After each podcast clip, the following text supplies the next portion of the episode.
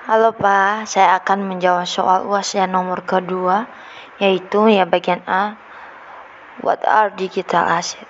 Aset digital pada dasarnya adalah file digital apa pun yang memberikan nilai bagi perusahaan. Idealnya aset ini diatur sedemikian rupa sehingga mudah diakses oleh departemen mana pun dalam perusahaan dan mudah didistribusikan. Yang bagian B, apa saja tipe digital asset? Yaitu media sosial, blog, Ripple, saham, Bitcoin, Stellar, Reksadana, dan Litecoin. Yang bagian C, apa saja kelebihan dan kekurangan aset digital? Kelebihannya adalah potensi kenaikan harga tinggi di masa mendatang. Teknologi blockchain membuat proses pembayaran mata uang digital berlangsung cepat, aman, dan mudah. Menghindari pemalsuan uang karena sistem blockchain tidak memungkinkan mata uang sama melakukan dua transaksi berbeda. Keamanan data pribadi bisa melakukan transaksi keuangan tanpa perlu menampilkan identitas asli. Kekurangannya adalah risiko pelanggaran hukum karena regulasi pemerintah yang melarang keberadaan mata uang kripto.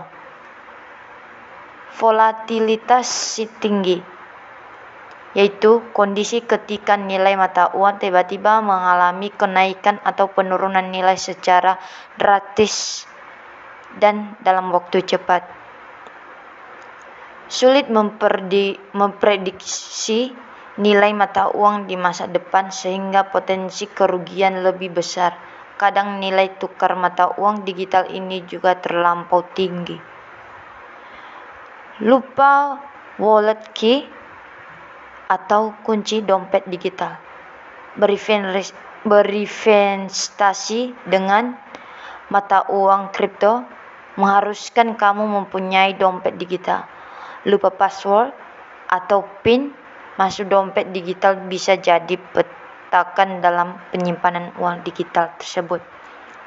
Yang bagian D, sebutkan aset digital yang kamu miliki saat ini. Yang saya miliki saat ini Pak cuma ada HP dan komputer.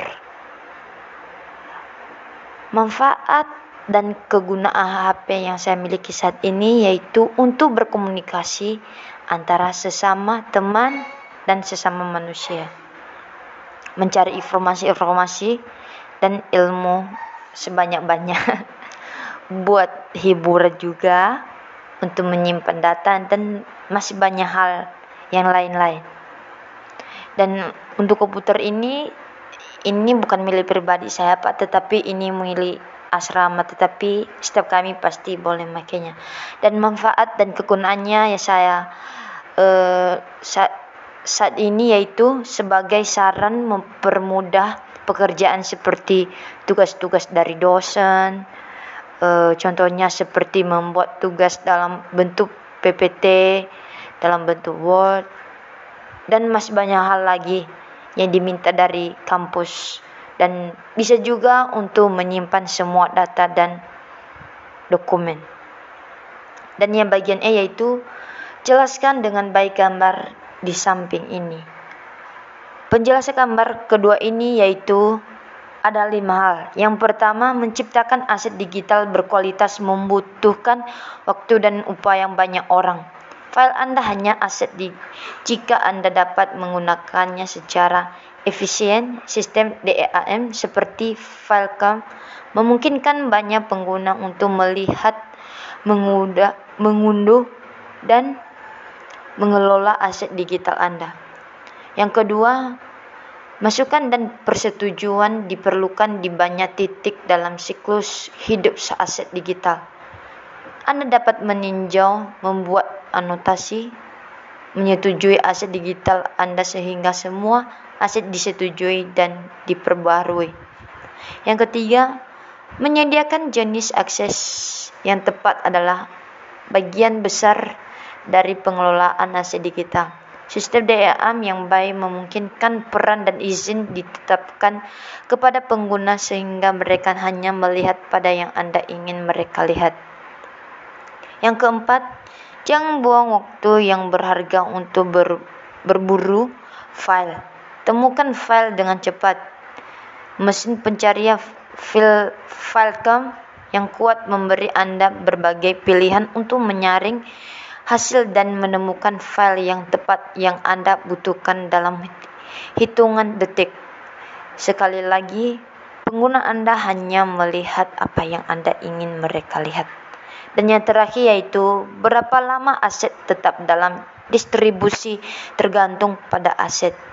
Pelestarian atau pengarisipan aset dan dokumen serta versi terkait adalah bagian penting dari siklus hidup.